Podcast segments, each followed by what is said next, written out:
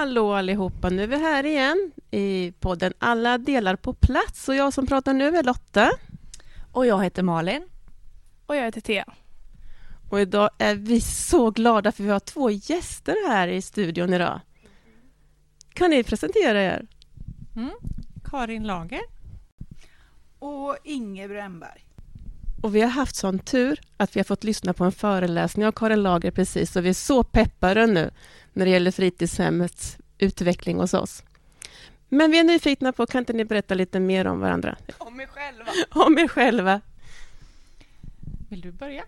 Ja, eh, jag tillhör den generationen fritidspedagoger som utbildade mig eh, utanför högskolan. Eh, högskolan eh, tog in 1977 eh, Eh, så tog de in eh, förskollärare och fritidspedagoger. Men jag började 75 och har jobbat 14 år som eh, fritidspedagog företrädesvis med fyror till sexor. Men har också testat på då samlad skoldag i Göteborg. Sen fick jag för mig att jag skulle in och revolutionera utbildningen.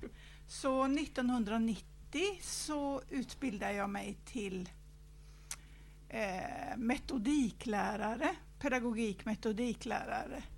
Och eh, började jobba sen 91 på timmar och 92 som anställd. Då. Så jag hann med ett yrkesliv på 30 år eh, som lärare till fritidspedagoger och lärare i fritidshem. Mm. Och någonstans jag i början på utbildad på 2000-talet så träffade 90-talet jag till Karin, fritidspedagog med en barn och eh, I ungdomspedagogisk examen. personalrummet på pedagog. Eh, han jobbar ungefär i tio år eh, på fritids. Sen eh, så var jag ju då handledare åt flera studenter och jag läste magisterprogram i pedagogik och det var väl då vi träffades på pe- gamla pedagogen i Göteborg. Och sen så blev det mer och mer att jag jobbade med lärarutbildning och eh, idag är jag då eh, programledare som det heter för eh, utbildningen till lärare.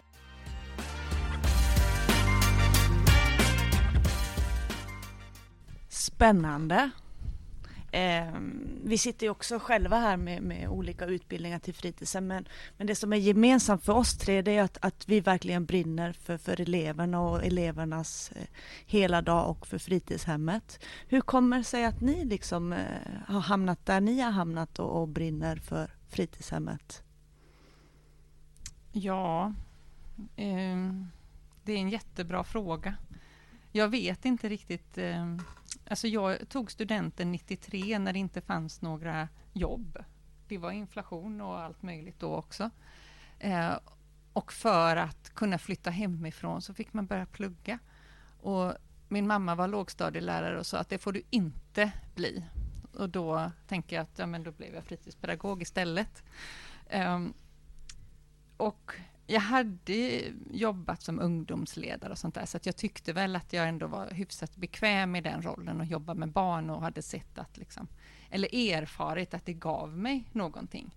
Eh, och så gillade jag ju mer de fria formerna än, än skolans mer strukturerade. Eh, men efter tio år på fritids så var jag ganska färdig med jobbet med, med barnen. Jag funderade väldigt mycket på vad jag skulle göra istället. Eh, det var ju också en period där allting blev så himla mycket sämre. Det, det hände väldigt mycket som jag inte gillade med utvecklingen av fritidshemmet. Och hur ska man få jobba med det som man ändå tycker om, men inte i det som jag upplevde var ganska slitsamt, arbetet med barnen. Så att, att få jobba på universitetet och fortfarande få ägna mig åt samma innehåll har varit väldigt, väldigt roligt och få prata med studenterna om de sakerna som jag gillar. Och jag tycker ju att jag fortfarande, även om det är länge sedan, har väldigt nytta av mina erfarenheter och kunna berätta om dem. Så jag får ju fortsätta jobba med det jag vill göra, fast eh, inte med barnen. Men så eftersom jag också har en forskarutbildning och, och får som forskare komma ut på fältet så träffar jag ju fortfarande barn och det tycker jag också är väldigt roligt och jag har ju förstått någonstans att vi behöver närma oss barnens perspektiv även som forskare. Vi säger ju att det är så himla självklart för personalen att göra det. Och vi pratar om det på utbildningen som självklart. Men det är inte alltid forskningen tar det perspektivet. Så där försöker jag väl göra. Var det svar på frågan tror Ja, absolut. Eh, ja, det var nog lite slumpen för mig också. Jag fick för mig att jag skulle hoppa av gymnasiet. Jag tyckte det var eh, slöseri med tid och då hade jag en syster uppe i Karlstad som sa men kom upp till mig, du kan eh, kanske få ett, en praktikplats någonstans och då fick jag det på ett fritidshem. Eh, och eh, det jag kommer ihåg allra mest, förutom barnen då, det var den här goda stämningen i arbetslaget som var. Alltså, jag, jag, lärde mig oerhört mycket under det halvåret. På den tiden när jag utbildade mig så skulle man ju ha 20 veckors förpraktik för att kunna bli antagen. Och när jag sen började jobba efter avslutad utbildning så hade jag också samma tur eller ja, alltså jag bidrog nog också till det. Vi hade fantastiska arbetslag under hela tiden jag jobbade. Det var ett givande och ett tagande, det var jättemycket diskussioner och vi tog strid. Det var ju så under den perioden att eh, till exempel Samlad skoldag i Göteborg eh, man drev igenom det utan att garantera tillräckligt med planeringstid. Och vi strejkade vilt och, och så under den perioden. Sen så hade jag handlett många studenter och var lite besviken på utbildningen och därför så fick jag för mig att nej, nu så ska jag gå in och så ska jag göra något. Men jag har ju till skillnad från Karin eh, valt att inte eh, gå forskarutbildningen då. Eh, jag har försökt att grunda min, eh, mitt lärarskap i min metodiklärarutbildning. Sen är det ju inte så att jag är teorilös helt. Men jag, så att när Karin gick sin doktorandutbildning då var jag med och stöttade. Så det är det närmaste jag har kommit. Min största supporter. så så var det nog. Eh, barn, ja, men framförallt de lite äldre 10-12-åringarna. Mm. De har legat mig väldigt, väldigt varmt om hjärtat hela tiden. Det är kul att du säger det, för just nu så jobbar vi ganska mycket på vårt fritidshem med att behålla våra äldre elever. Vi har det som ett utvecklingsområde i år. Eh, har du några tips till oss?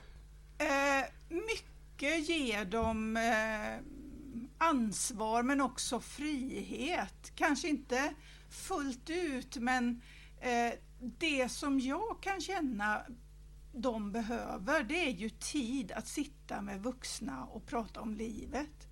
Det är ju det som är allra, allra viktigast för dem.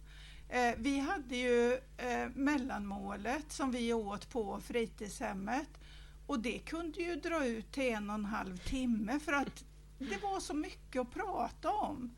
Eh, och det var en annan tid med fler personal i relation till antal barn. Men just det här att, att visa att man är intresserad utav dem och deras mm. värld.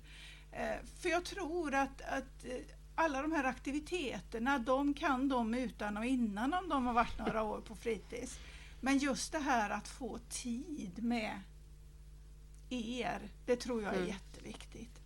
Ja, eh, jag har ju varit, vi har ju startat det att två dagar i veckan när de 4 till 6 slutar senare, att vi har mellanmål på fritids.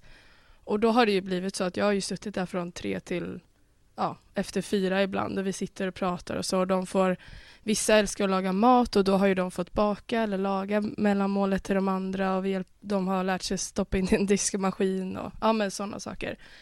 Och det har ju verkligen, det har ju blivit som ett ja, men som ett ställe att bara kunna slappna av och vara när vi är på övervåningen också så vi är lite för oss själva och, och det är ju också väldigt, som du säger med tid, att avsätta en vuxen för det att vi faktiskt har den tiden. Att jag inte känner att jag måste, jag har 20 minuter sen måste jag springa ner eller jag måste springa till de yngre utan jag kan faktiskt vara där uppe med dem och det är jättemycket. Och, och relationen med de äldre bygger man ju också på sikt jag menar om du är en person som stannar i 20 minuter och sen drar iväg, då lär de sig det efter två, tre gånger. Men är du en person som lyssnar färdigt och som också kan berätta lite om sina egna erfarenheter och så, då bygger man ju de relationerna med de här barnen som gör att de, ja, de stannar, tänker jag.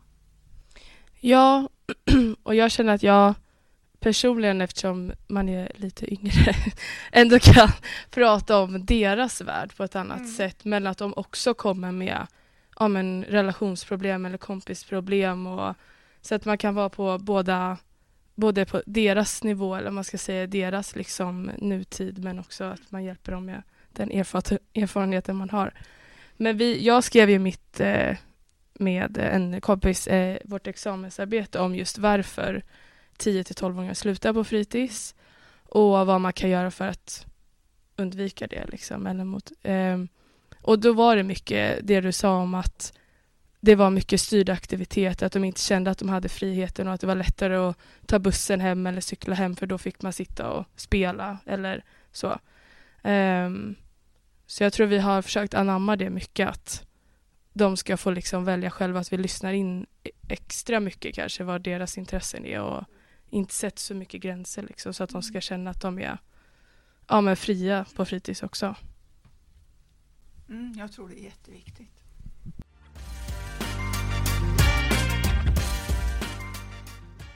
Men det här med fritidshem, det är ju för, från förskoleklass och upp till årskurs 6. Så jag tänker mycket på det här, var, varför är fritidshem så viktigt i vårt samhälle idag? Hur tänker ni där? Jag, jag har nog inget svar på det, men, men, jag, men kanske lite spaningar om att vi ändå befinner oss i något slags brytläge där vi inte riktigt vet vart fritidshemmet är på väg i samhället. Och det har ju gjorts ganska många eh, vad ska man säga, insatser på policynivå för att höja fritidshemmet och göra det med skriv, olika skrivningar i skollag och läroplan. Men det har ju inte lett egentligen till någon förändring av fritidshemmets situation, varken i samhället eller i, i skolan, om man ska ta den krassa bilden. Och vi försöker ju fortfarande legitimera fritidshemmet genom att försöka prata om, om undervisning och didaktik och och, och jag ska inte säga att det inte är bra, för jag tror att det behöver vi göra och försöka förstå vad vi menar. Men det tenderar att smalna av vad fritidshemmets uppdrag är och samtidigt så vet vi från eh, de senaste utredningarna att det finns mycket mer förslag om att öppna upp mot föreningslivet och kulturlivet igen och det är någonting annat än undervisning och didaktik menar jag. Det behöver inte vara en motsättning men jag tror att vi pratar om hyfsat olika saker. Och i det här kompensatoriska arbetet med vårdnadshavare, med familjen, att vara den, den vuxen som barnet behöver i relation till sin hemmiljö, att den rollen skulle kunna bli viktigare och vi skulle kunna prata utifrån fritidshemmets samhällsansvar ifrån den positionen istället. Um, men, men, samtidigt så vill jag inte måla upp det som att det är, det behöver inte vara två helt olika vägar att gå, men jag tycker att de här utredningarna som kommer pekar lite åt två olika håll som jag inte alltid tror är politiskt genomförbart att förena. Eh, det senaste förslaget var ju också nu att göra en särskild utredning för 10 till 12-åringarna till exempel. Och där jag ägnade mig åt att skriva remissvar på den utredningen och den här begreppsförvirringen som är på kommunnivå om vad som är eh, öppen verksamhet, vad som är fritidsklubb och vad som är fritidshem och att barn upp till 13 år har rätt till fritidshem. Alltså den begreppsförvirringen är helt stor, så innan man liksom tar några nya beslut så tror jag man måste eh, vad ska man säga, lära kommunerna om vad de har för uppdrag och vad det handlar om. Så att här tänker jag också att det behöver göras ganska mycket innan vi kan Eh, tala om vad, vilka avtryck det kan ha, för det är ganska stor begreppsförvirring. Vissa stadsdelar i Göteborg vet väl absolut vad de pratar om, men vissa gör det inte alls till exempel.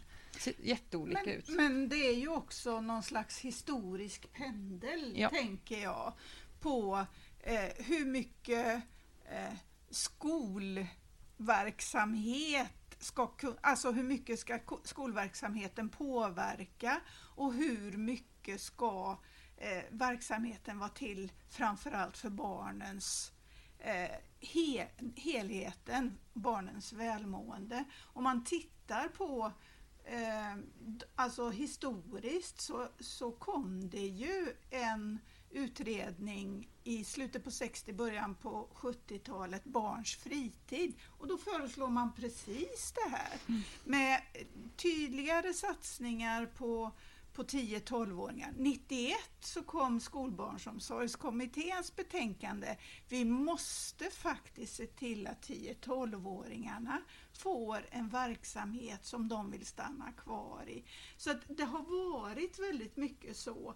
Och samtidigt så har det blivit då de här, vad ska man säga, eh, jag ska inte säga skolifiering, men de här med riktning mot skolan, att man blir mer utav en kompletterande verksamhet. Man är inte unik i sig utan man är beroende utav skolan. Och det har ju kommit i sjok. Mm.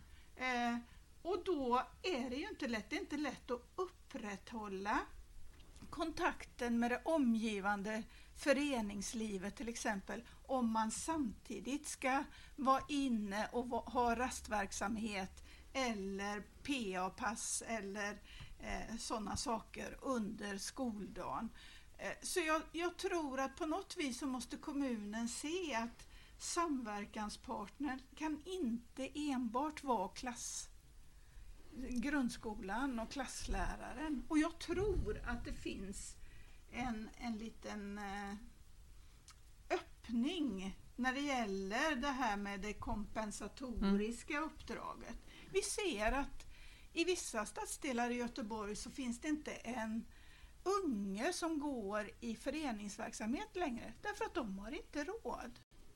Nej, det har vi diskuterat mycket, just det där det kompensatoriska uppdraget och liksom eh, det står i läroplanerna att, att man ska eh, alltså elever, att vi ska bli samhällsmedborgare och hur gör man?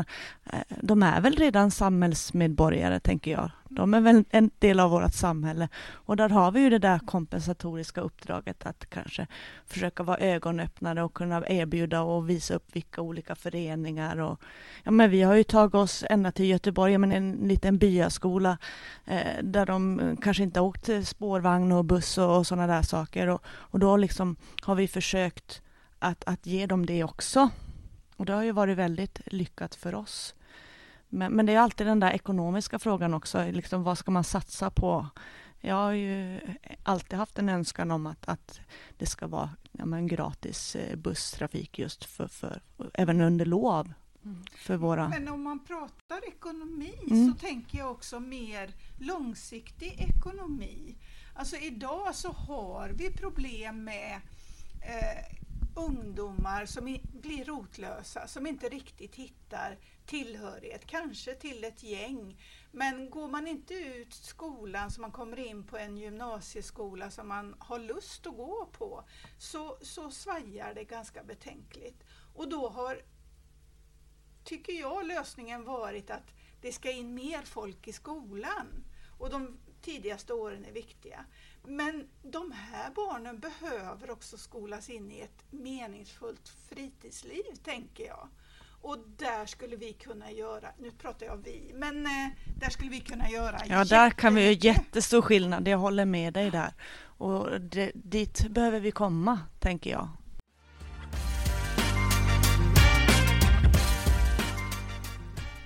Men hörni, ni har ju faktiskt skrivit en bok ihop som vi, jag har läst den och jag tror att du Malin har läst den och du har läst en del av den vet jag. Och jag är så inspirerad och fascinerad när jag läser boken. Den är så verksamhetsnära och man får så mycket igenkänning och man blir verkligen inspirerad. Men berätta lite om den.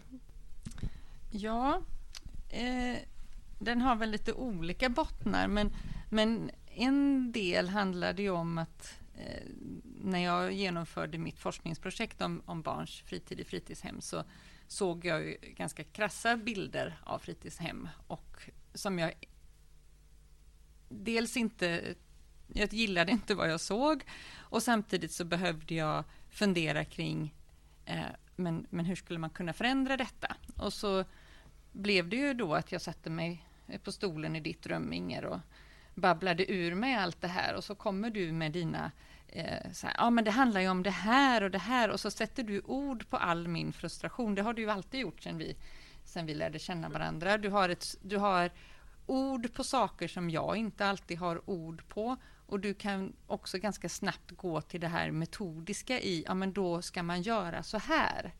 Och, och det var den kombinationen av att okej, okay, vad ska jag göra med mina krassa bilder av de här fritidshemmen? Jo, men jag parar ihop det med din metodik.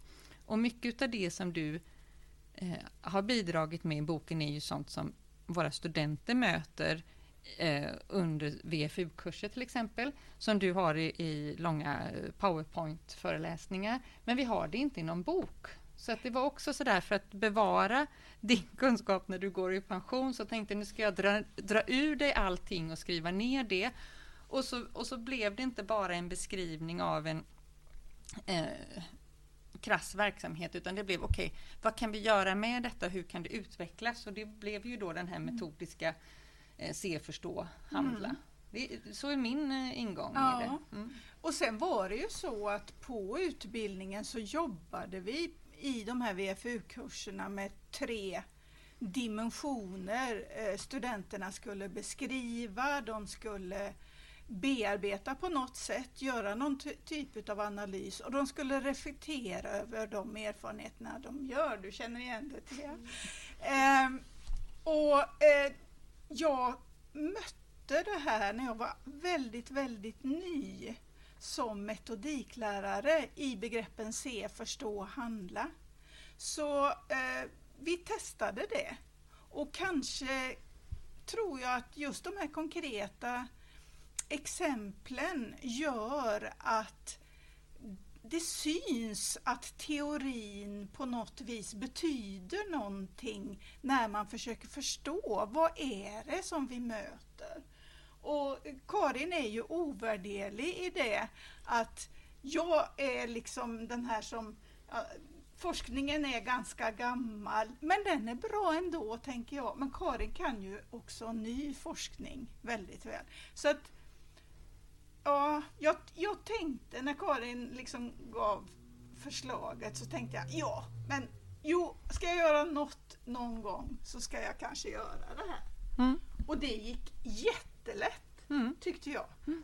Det var inga, jag tror inte vi har varit oense någon gång men däremot så har vi liksom varit väldigt kritiska till, ja men så här kan det inte stå. Ja det här, det här är liksom inte 2021 och så. Och vi strukturerade ju om, alltså inledningsvis tänker man att man vill greppa också över ganska mycket. Mm. Och det fick vi ju begränsa ja, oss om vad det här skulle, boken skulle handla om. Och, och, vilken historia är värd att dra för att förstå det vi vill säga. Ja. Inte hela historien behöver man inte dra, den finns i så många andra böcker. Ja. Så det var också vissa avväganden, men det, det du också la en del tid på var ju att beskriva hur utbildningen har förändrats genom åren och det är också en, en kunskap som inte är så känd idag. Den finns heller inte nedtecknad på samma sätt. Så det var också ett sånt, jag tänker att det i i professionsutvecklingen som student på utbildningen också kan vara kul att se vad är man en del av och hur har det här sett ut innan? Mm. Så där tycker jag också vi tillförde något mm. eh, lite unikt. Och sen, och sen, tycker jag ju att eh, vi fick blomma ut i att ge arbetslaget den viktiga mm. funktion som arbetslaget har i det här. Blir det någon mer bok? Den här boken eh, som som ni har läst är den första i en serie av olika böcker. Däremot har det inte släppts någon mer i den serien ännu, men det är i alla fall två på gång. Men de är inte vi inblandade i, men det är ju våra eh, fritidspedagogiska kollegor runt om i landet som också är nära förbundna med utbildningen och forskningen som, som skriver de här böckerna. Och den är tänkt som en rad små lite kortare böcker, inte stora tjocka. Så det är några till på gång, men de är vi eh, inte inblandade i. Nej. Men det låter jättespännande faktiskt.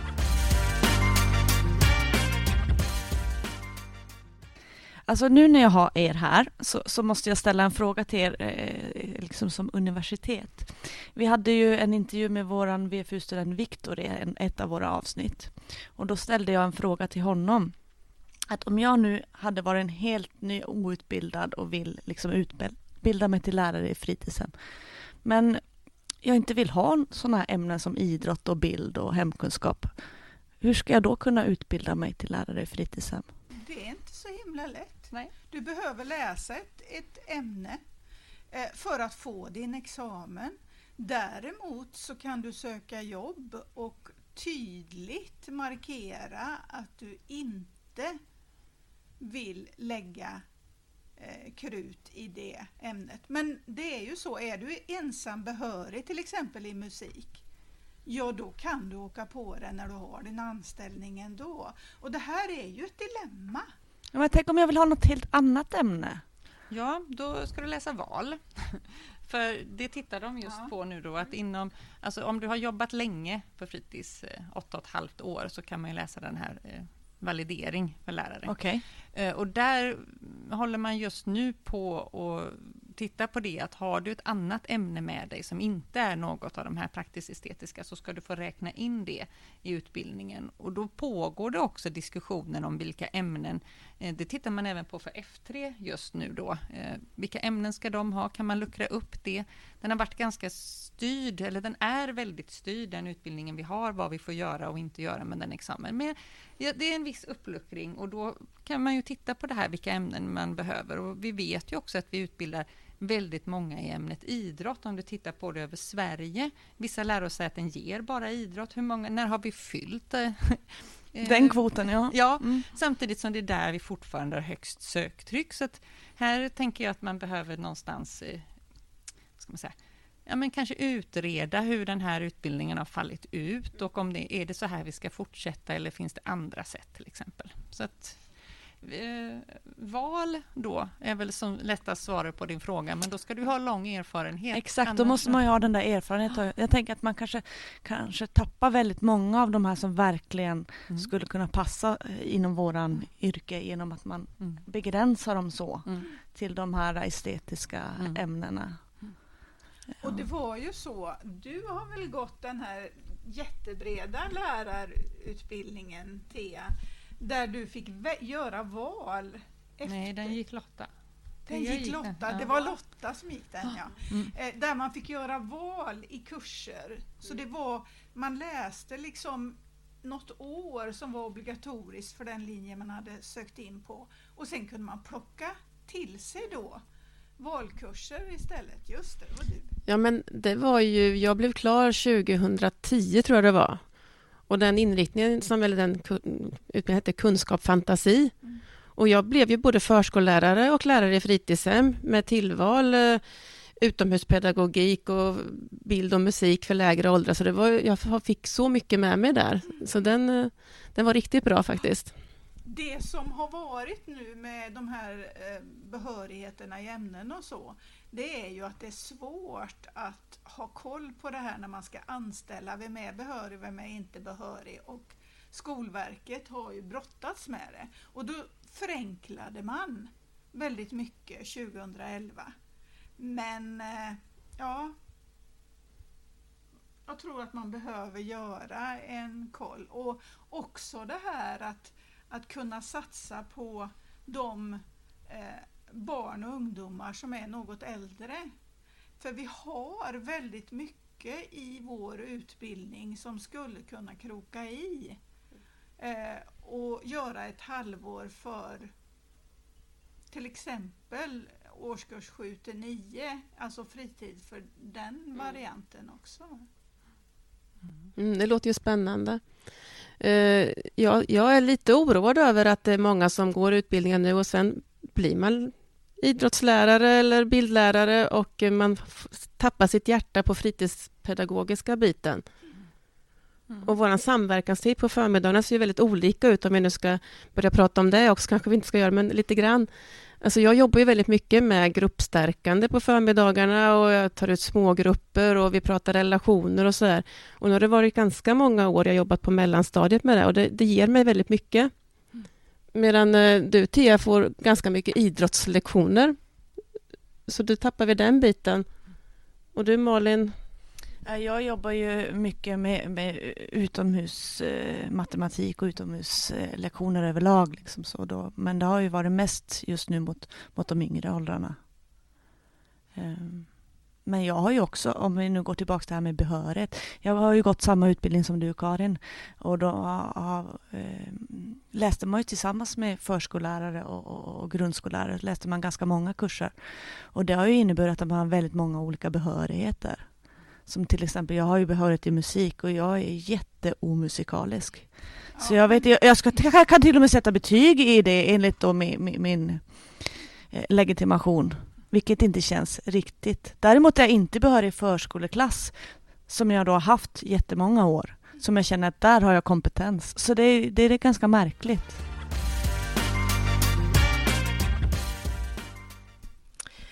Men vi sitter ju faktiskt här och pratar i en fritidshemspodd. Som det, när jag söker så finns det inte särskilt många sådana. Eh, men jag är lite nyfiken, vad tror ni att den här podden kanske kan bidra med? Jag tror ju att det är, eh, det är ett sätt att avgränsa och faktiskt fokusera fritidshem. Eh, väldigt mycket tycker jag det är att sätta fritidshemmet i relation till skol, övrig skolverksamhet. Men i en sån här podd så får man liksom grötta in sig riktigt i fritidshemmets verksamhet. Och det tror jag är jätteviktigt. Ja, och ju mer sätt vi kan använda för att belysa fritidshemmet, desto bättre tänker jag att det också kan stärka diskussionen och synliggöra saker. Och idag är ju liksom podd ett sätt som är lätt att plocka upp och det är lättillgängligt. Så att, eh, jag ser det väl bara som positivt att det är ett sätt bland alla andra att synliggöra någonting. Men det kanske också sporrar andra att börja med liknande. Och är diskussionen igång så är det väl det, för det väl oftast saker framåt i alla fall. Så. Mm. Ja, men äh, där säger du någonting Karin. Det får ju inte bli klubben för inbördes beundran, utan ni måste ju våga vara lite taggiga också mot varandra i samtalen för att det ska lyfta lite så. Det tror jag är jätteviktigt. Mm. Mm. Ja, men det är bra. Vi vågar ju säga vad, vad vi tycker oftast. Ja. men eh, nu har vi babblat på igen och eh, vi måste bara säga tack så jättemycket för att ni ville gästa vår podd. Tack för att vi fick vara med. Ja, stort tack. Så uh, hörs vi nästa vecka. Hej då!